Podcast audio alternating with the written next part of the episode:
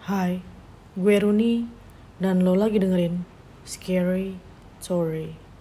Banyak di antara kita yang memiliki kisah horor atau bahkan mengalaminya sendiri. Gue bersama Kim Setiahadi akan membagi kisahnya di sini podcast Scary Story. Gak mungkin gak merinding.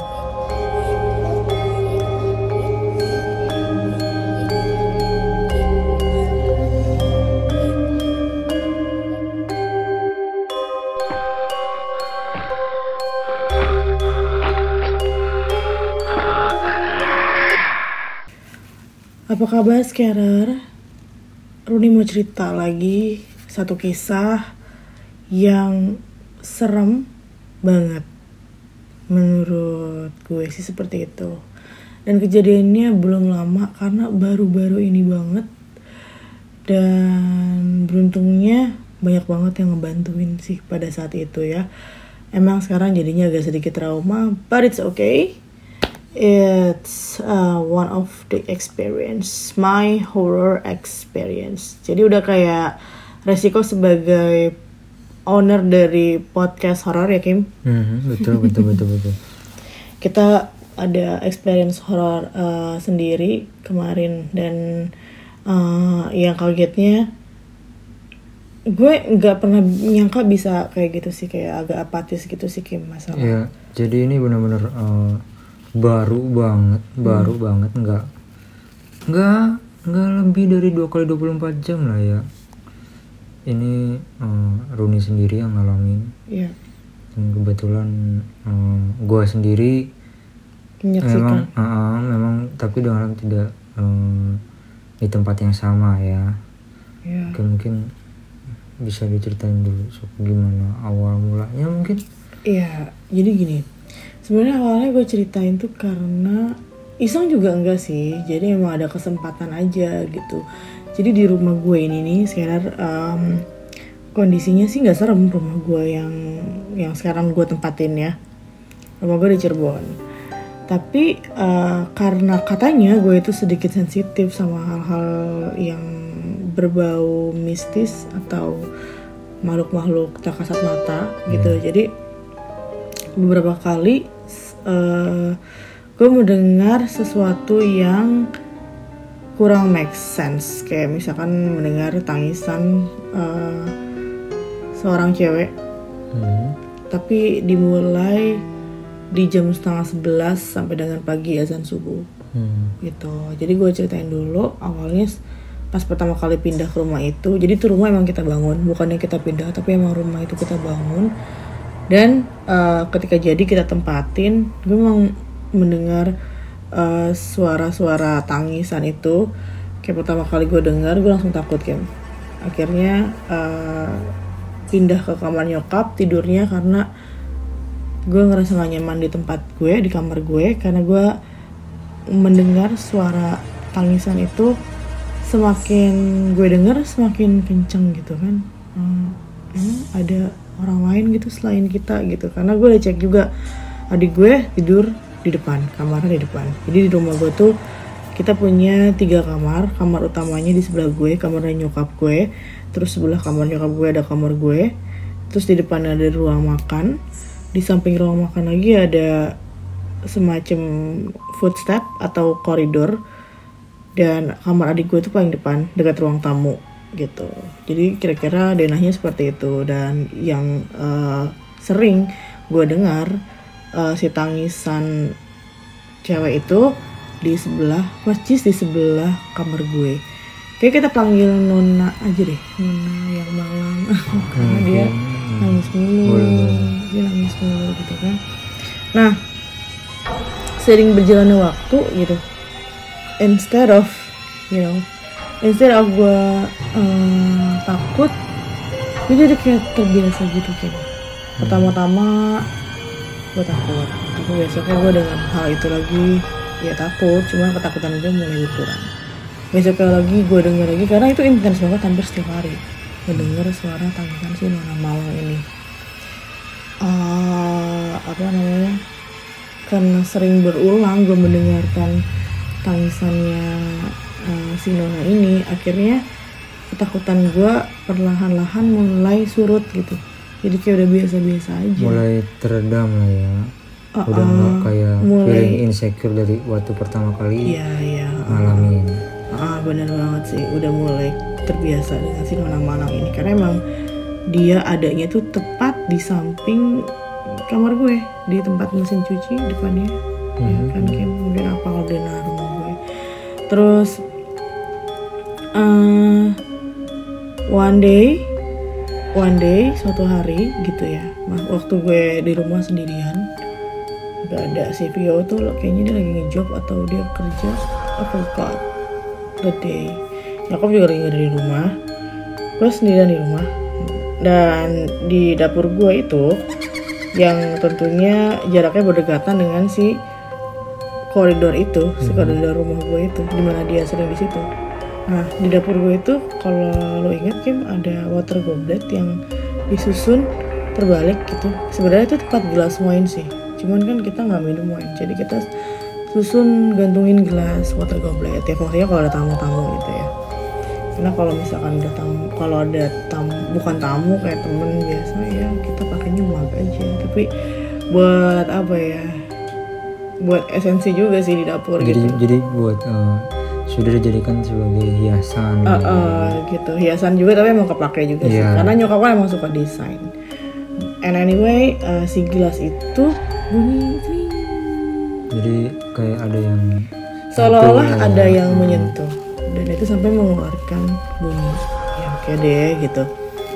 Gue merasa terganggu tapi untungnya itu kondisinya siang hari. Jadi kayak ya nggak terlalu nggak terlalu parno karena kan siang ya kalau siang kan masih terang juga gue masih berani oke. Nah eh, mungkin sekarang juga belum pada tahu kalau sebenarnya gue juga kerja di sebuah radio di Cirebon. Dan di radio gue tuh punya program mistis ceritanya. Setiap malam Jumat Kim. Nah di programnya itu eh, ada narasumbernya tapi yang langsung punya six sense gitu dan jadi like eh, indigo lah ya. Nah iya like the indigo girl karena dia cewek juga kan. Lebih muda usianya dari gue tuh si Mbak Rian. Bilang dia punya six sense. Nah eh, sore itu gue harus tapping ke radio karena ada beberapa jadwal siaran yang gak bisa gue penuhin sebagai gantinya gue tapping jadi tapping itu kayak gue ngerekam suara gue nanti di relay pada saat hari gue siaran seolah-olah gue siaran padahal gue enggak. Jadi gue tapping gue take voice untuk kepentingan eh, siaran dan ketemulah sama dia gitu di situ. Kebetulan lagi ada Mbak Rian di situ. Terus uh, gue sama Mbak Rian tuh gak cukup deket ya karena si, sifat kita gak sama sih. Kayak dia orangnya cheers juga sama kayak gue. Akhirnya minta gue tuh hari itu karena itu hari Kamis jadi malam Jumat lah ya malam Jumat Betul. nah gue nggak tahu tepatnya malam Jumat kapan tapi itu malam Jumat sih Hmm. Gitu. Oke, dan dia bilang, ehm, tapping ya mbak? Iya nih. Wah, kalau sampai malam temenin gue dong, gue siaran. Siaran mistis namanya. Iya, gitu. Oh, ya udah deh, lihat ntar. Gue bilang gitu kan dia. Karena emang gue capek juga sih aslinya itu kan baru pulang kerja, baru tapping. Terus akhirnya gue selesai tapping, gue selesai tapping dan udah selesai sih. Artinya kayaknya gue nggak usah nemenin dia deh malam-malam gitu ya. Iya. terus ngobrol sama dia gue tanya eh Rian lo tuh beneran gak sih punya siksan gitu. Kadang-kadang kan kalau cuma buat konten doang bisa aja orang pura-pura gitu Iya. kan. Oh, cuma dia tahu karena barat baca narasi lah ya. Iya kayak gitu gitu skrip gitu. Nah, kayak gue contohnya nih, gue nggak punya six sense, tapi gue sensitif. Mungkin Kim lebih sensitif lagi ya. But I don't know that you have a six sense or not. Hmm. You never confirm it. Maksudnya, lo gak pernah ngaku juga kalau lo punya six sense, tapi I know we both is sensitive. Jadi kita berdua tuh sensitif gitu sih. Tapi kalau Kim tuh jauh lebih sensitif daripada gue. Cuma dia kalau untuk ngeliat shape-nya seperti apa secara langsung depan mata mungkin enggak sih. Ca- Cuma kayak bay- bayangan blur-blur doang yes bisa ya. bisa. Makanya lo bisa bantu gue kemarin itu kan. Nah terus gue tanya deh sama si Rian ceritanya apa sih yang di rumah gue gitu kan.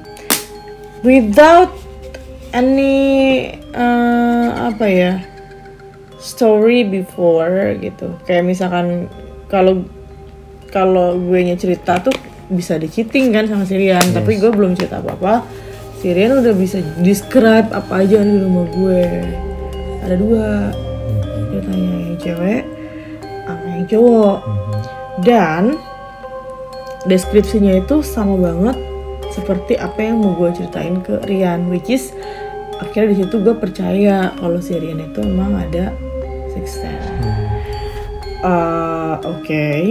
Terus akhirnya ini gue sih nggak terlalu merinding sih mungkin karena ada lo ya. Waktu kemarin pas ceritain si Nona Malang ini jujur aja sih kayak tangan ke kanan merinding sekujur tubuh serem banget ya pokoknya.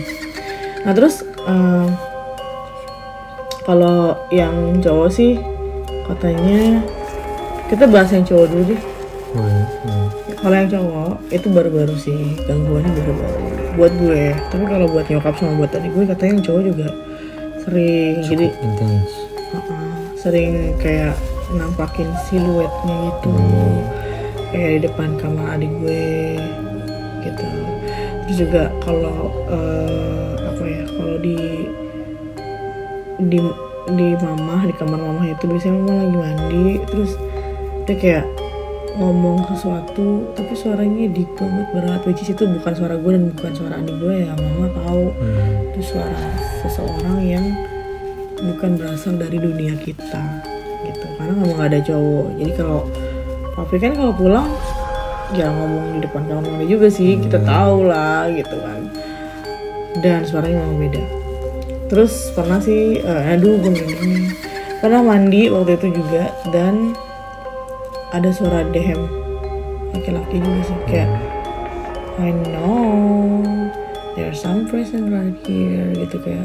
Oke lah gue tahu dia ada di sini. Cuma kan gue sebagai cewek malu dong Kim. Akhirnya gue buka lagi kamar mandinya gue persilakan dia untuk keluar gitu. Sorry ya gue mau mandi. Gue mandi. Nah tapi itu belum takut sih karena belum ketemu Rian anyway. Terus udah tuh kalau yang cowok memang keberadaannya terasa. Nah yang pengen banget bisa eksis bisa kita tahu dan kita ladenin tuh si Nona Malang ini Hmm. gitu. Jadi ternyata denting-denting gelas yang berdenting pada saat tidak ada orang tuh adalah gelasnya disentuh sama tangannya. Cring, gitu. Dan deskripsi dan deskripsinya tentang si Nona Malang ini cewek dia range usia 18 sampai dengan 19 tahun. Still young ya. Masih Iya. muda banget. masih muda banget. ABG juga enggak sih ya? Eh, kayak muda jelang dewasa gitu.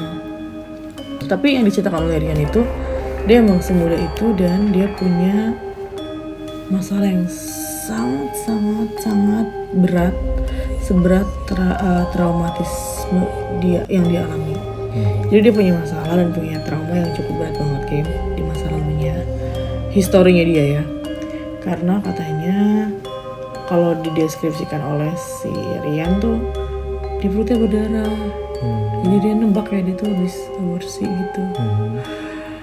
dan eh, dia dibuang dari keluarganya waktu itu karena mungkin keluarganya malu ya zaman dulu kan mungkin kayak masih tabu gitu kan untuk untuk seorang perempuan yang hamil di luar nikah. Akhirnya entah bagaimana cara dia wafat tapi eh, dia nggak punya memori apa-apa. Yang dia tahu hanya dia sakit dia sendiri dan dia kesepian. Kenapa? Gue bisa tahu sekarang karena I'm being possessed gue kesurupan dia coba ngeselin banget gak sih bener loh Kim. Lu percaya kan? Oke. Jadi ceritanya pas gue ngomong si Rian ngomongin dia dia merasa kepanggil saat itu. Hmm. dia merasa kepanggil saat itu terus hmm, Rian bilang mbak sepertinya dia di sini.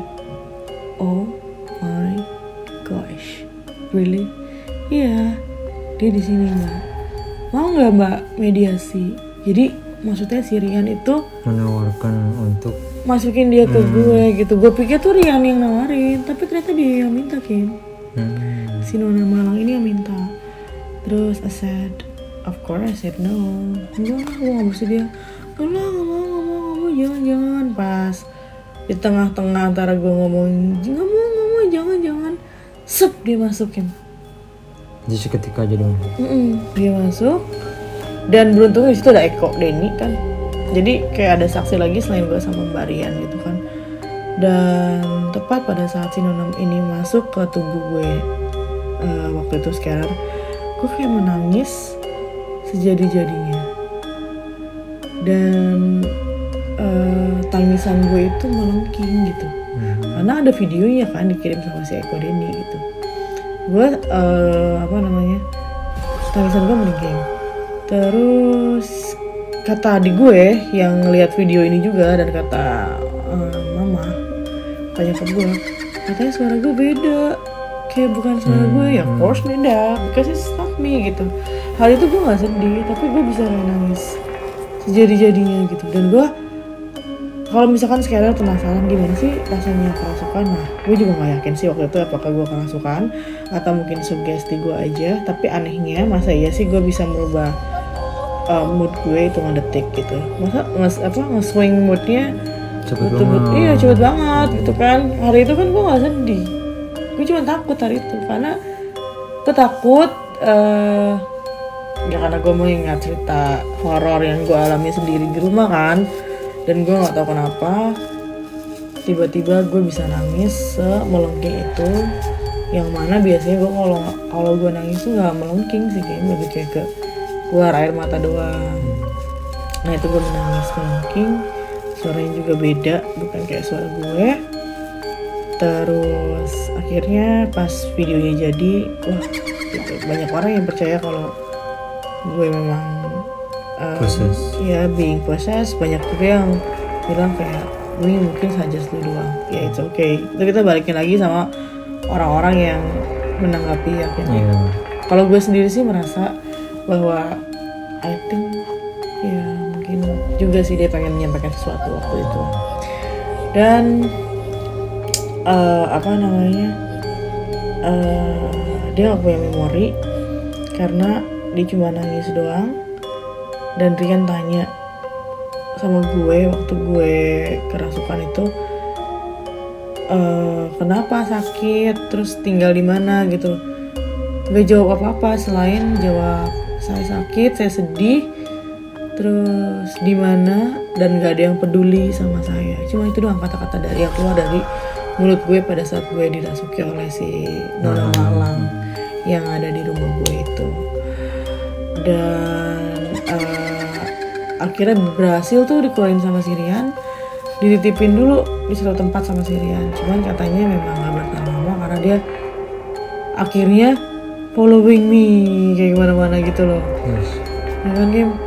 Nah itu Kim yang tahu sih. Maksudnya dia kayak ngikutin gue gitu dan pada saat dia ngikutin gue tuh kayak berisik banget di kuping sebelah kiri tuh nangis lebih kencang daripada biasanya. Dan itu ngikutin gue ke mana-mana gitu kayak keganggu jadi ke sini gue takut ke sini gue insecure gitu. Akhirnya gue minta Kim lu bisa gak sih bilangin ke dia gitu? Karena gue ngerasa lu lu sorry gue kayak gue ngerasa lu lebih bisa dari gue gitu. Maksudnya tolong dong sampein cuman Kim ya sama lah kayak Kim Rian juga sudah bantu nyampein. Cuman kayaknya nggak akan ngaruh kalau nggak gue sendiri yang nyampein ya. Hmm, jadi tadi pagi kita berusaha komunikasi sama dia dengan cara I don't know it's like telepathy or something. Kayak kita fokus mikirin dia gitu dan yang anehnya adalah gue cuma pengen ngomong sesuatu ke dia tapi yang anehnya adalah gue bisa memvisualisasi diri dia gitu. Bener loh Kim. Jadi itu you guys describe about this girl kayak rambutnya.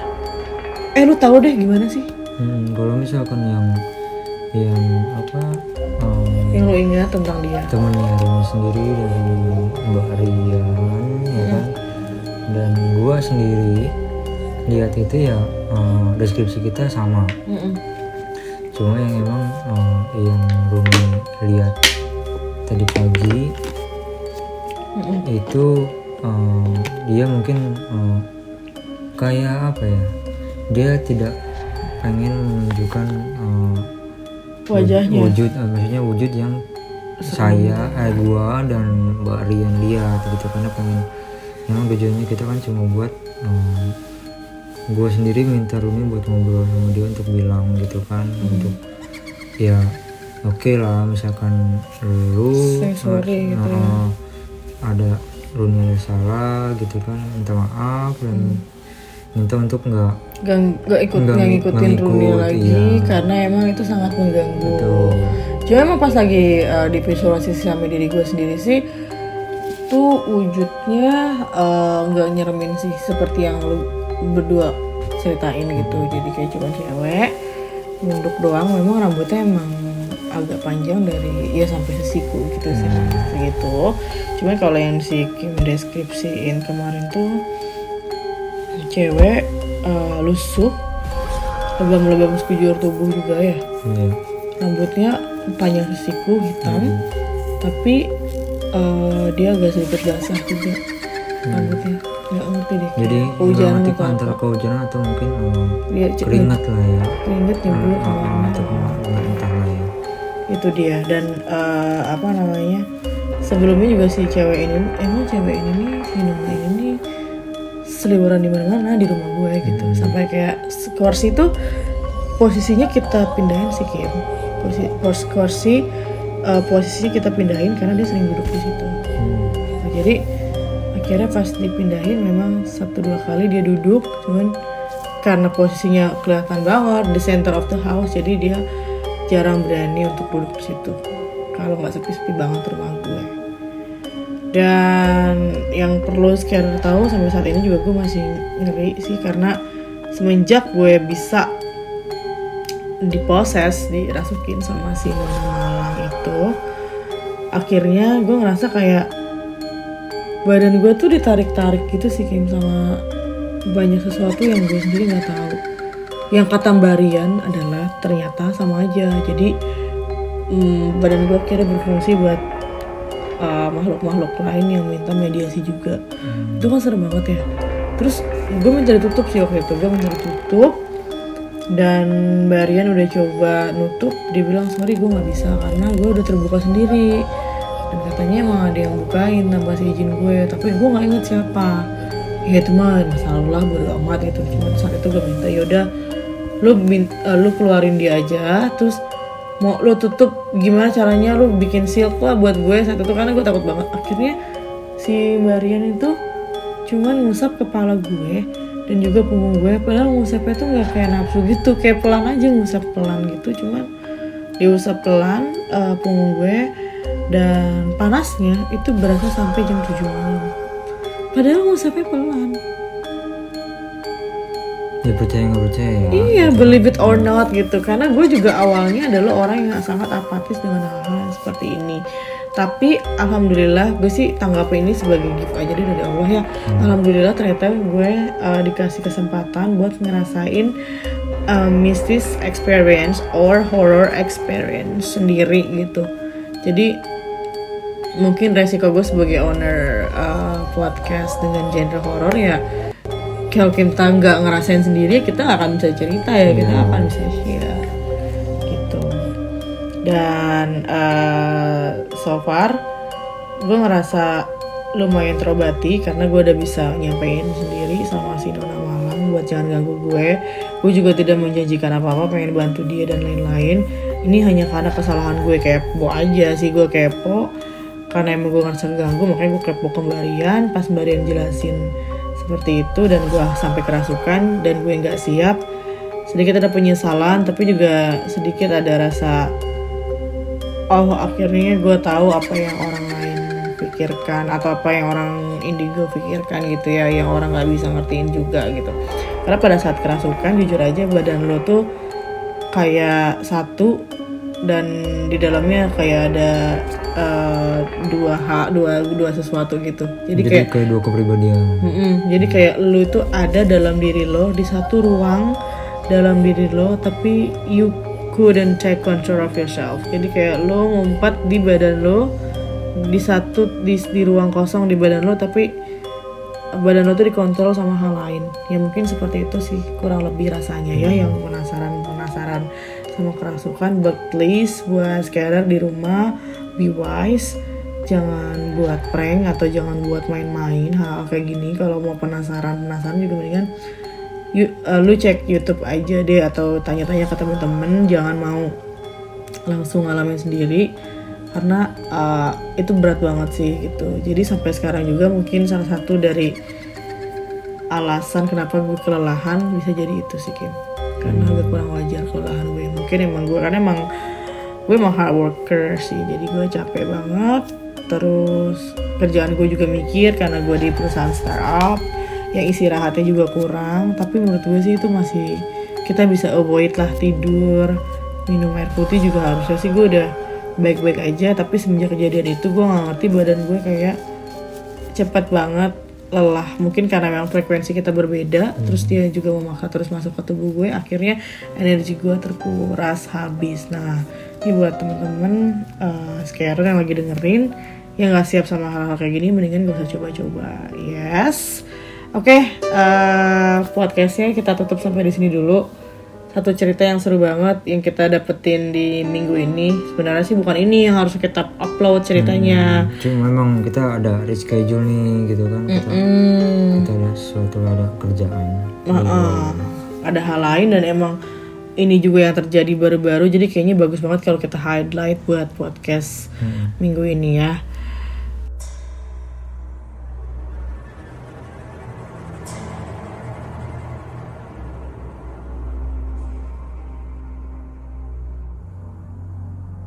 Oke, okay, podcast episode kali ini kita tutup sampai di sini. Makasih udah dengerin. Kalau suka podcast ini silahkan follow untuk support kita biar kita bisa share lebih banyak cerita horor lainnya yang pastinya lebih serem dan juga lebih seru ya Kim ya. Iya. Yeah.